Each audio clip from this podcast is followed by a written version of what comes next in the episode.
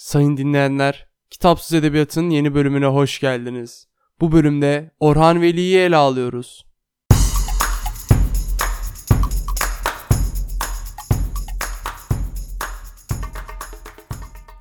Yakın tarihlerde Türk Edebiyatı'nı etkileyen en büyük yazarlardan birisi Orhan Veli'dir. Şiire çok farklı bir anlayış getirmiş, şiiri sadeleştirmiştir ama şiire ve edebiyata kattıklarını konuşmadan önce birazcık da Orhan Veli'nin hayatından bahsetmemiz gerekiyor. Buna rağmen bu bölümde biyografik öğelere çok fazla yer vermemeye çalışacağım. Çünkü önemli olan Orhan Veli'nin Türk edebiyatına, Türk şiirine getirdiği yeni anlayış. Yani Orhan Veli'nin magazinel hayatı beni veya sizi pek ilgilendirmemeli. Bizim ilgilenmemiz ve üzerinde durmamız gereken asıl nokta Orhan Veli'nin Türk edebiyatına kazandırdığı yeni anlayış. Fakat bu büyük yazarın hayatından bahsetmeden de bir bölüm yapmamız gerçekten zor. Orhan Veli'nin hayatından bahsederken yine kendi yazdığı şiir olan Ben Orhan Veli şiirinden yararlanalım. Şiir şöyle başlıyor. 1914'te doğdum. 1 yaşında kurbağadan korktum.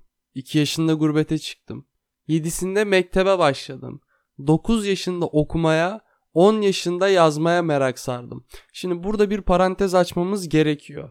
Neden? Bu büyük şair 9 yaşında okumayı öğreniyor ve o günden sonra edebiyatlar arası hep iyi oluyor. Yani bu büyük şairin oluşmasındaki temeller ta 9 yaşına dayanıyor. 10 yaşında da yazmaya merak sardım yazmış kendi şiirinde. Burada da hatta 10 yaşında yazdıkları yani çocuk yaşta yazdığı öyküler, yazılar çocuk dergilerinde yayınlanmaya başlıyor. Kısacası Orhan Veli'nin edebiyat dünyasına ilk adımları küçük yaşlarda oluyor. Şiirin devamında da 13'te Oktay Rıfat'ı, 16'da Melih Cevdet'i tanıdım yazmış. Peki kimdir bu Oktay Rıfat ve Melih Cevdet Anday? Bu üç arkadaş Orhan Veli, Oktay Rıfat Horozcu ve Melih Cevdet Anday Türk edebiyatına ve Türk şiirine yeni bir anlayış kazandırdılar. Bu yeni anlayışın adı da garip akımı oldu.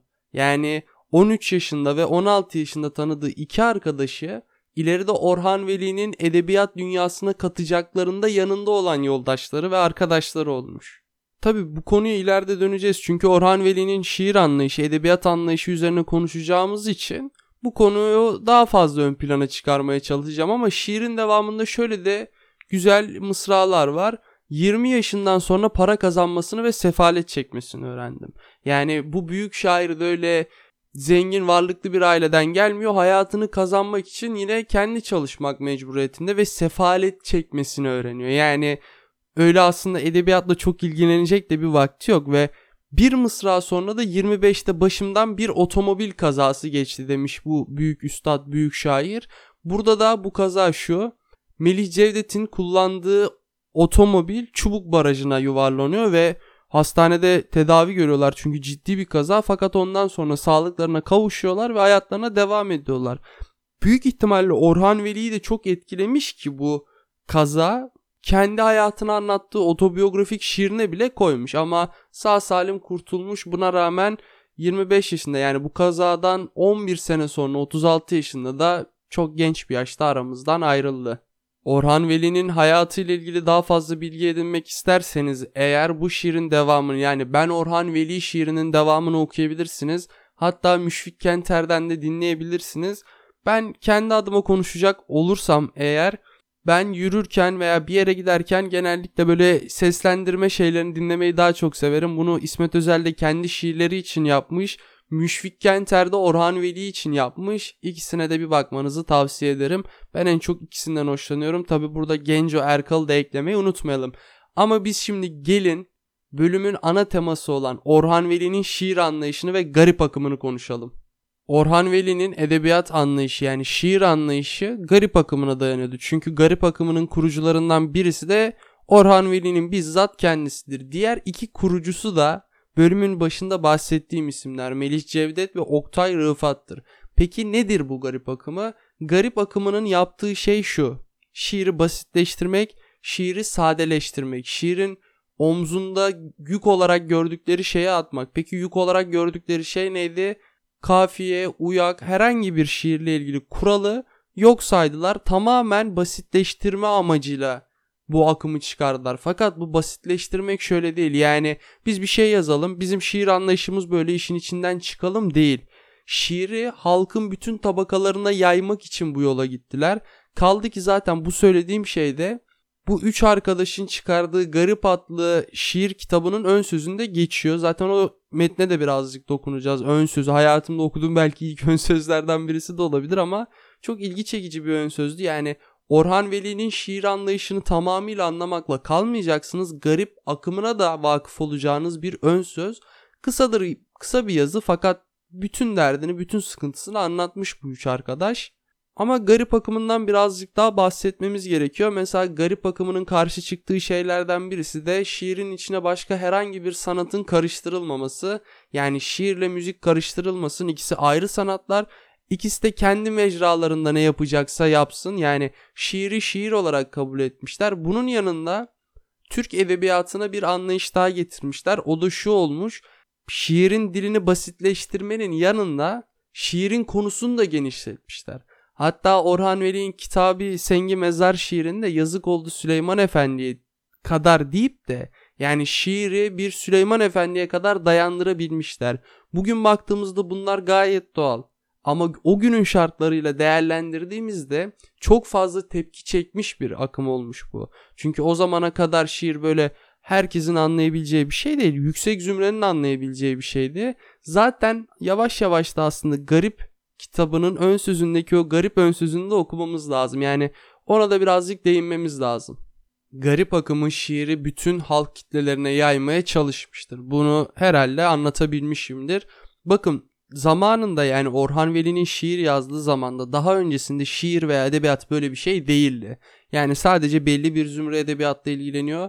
Diğer halk tabakaları zaten aç, fakir, edebiyattan büyük ihtimalle haberleri bile yok.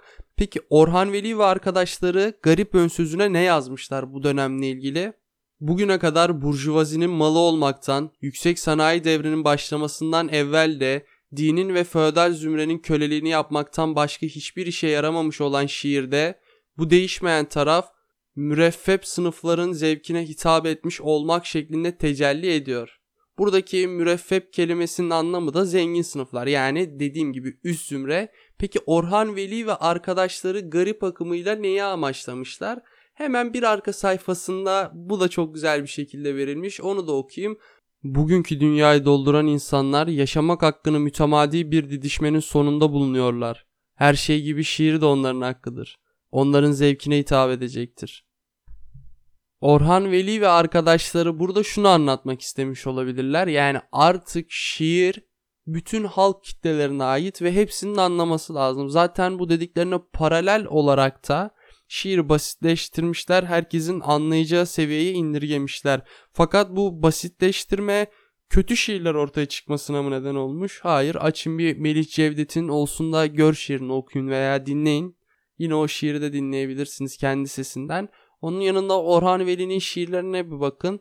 Pek çok şiiri Orhan Veli'nin insanların hafızasına kazınmıştır. Aslında büyük şair veya yazar olmanın alametlerinden biri de herhalde bütün insanların sizi duyabilmesidir. Yani edebiyatla ilgisi olsun olmasın. Tabii ki bu konuda tartışmalı fakat Orhan Veli gerçekten bilinen ve popüler olan bir şair. Fakat ne kadar okunuyor derseniz Orası tartışmaya açık çünkü biz isimleri biliyoruz. Çünkü edebiyat dersi görüyoruz orada anlatılıyor.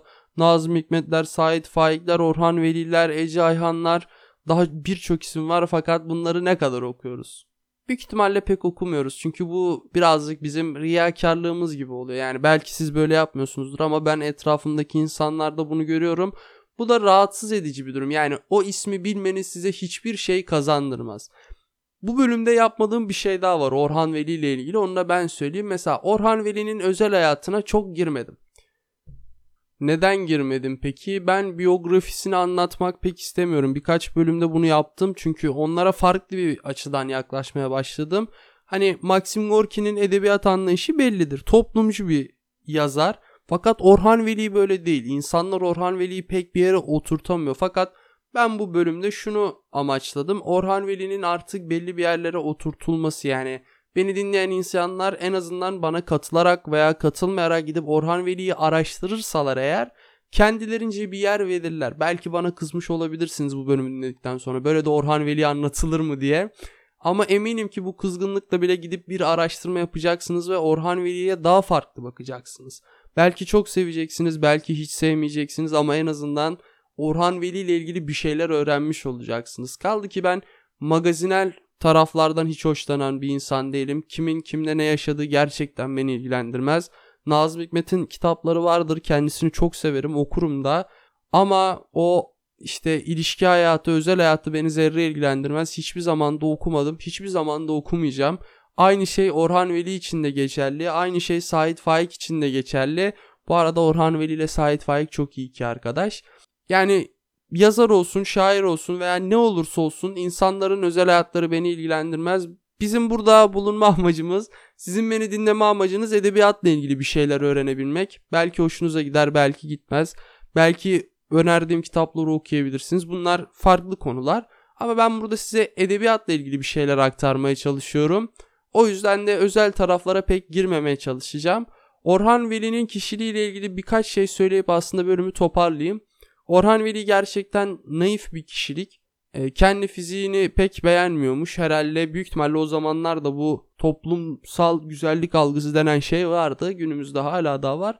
Fakat 36 yaşında bir belediye çukuruna düşüyor. Oradan çıkardıktan sonra hastanede tedavi görüyor. Bir şey yok deyip taburcu ediyorlar. Ondan sonra yemek yerken fenalaşıyor. Beyin kanaması geçiriyor yani tam tedavi olmadığı için.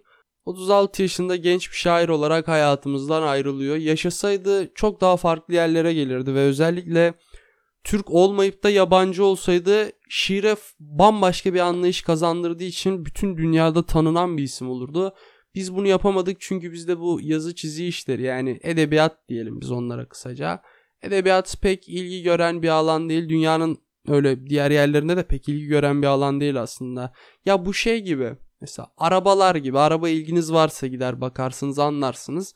Edebiyat da böyle yani tam aynı olmasa da benzetme birazcık acayip oldu ama tam aynı olmasa da edebiyat e, farklı bir sanat.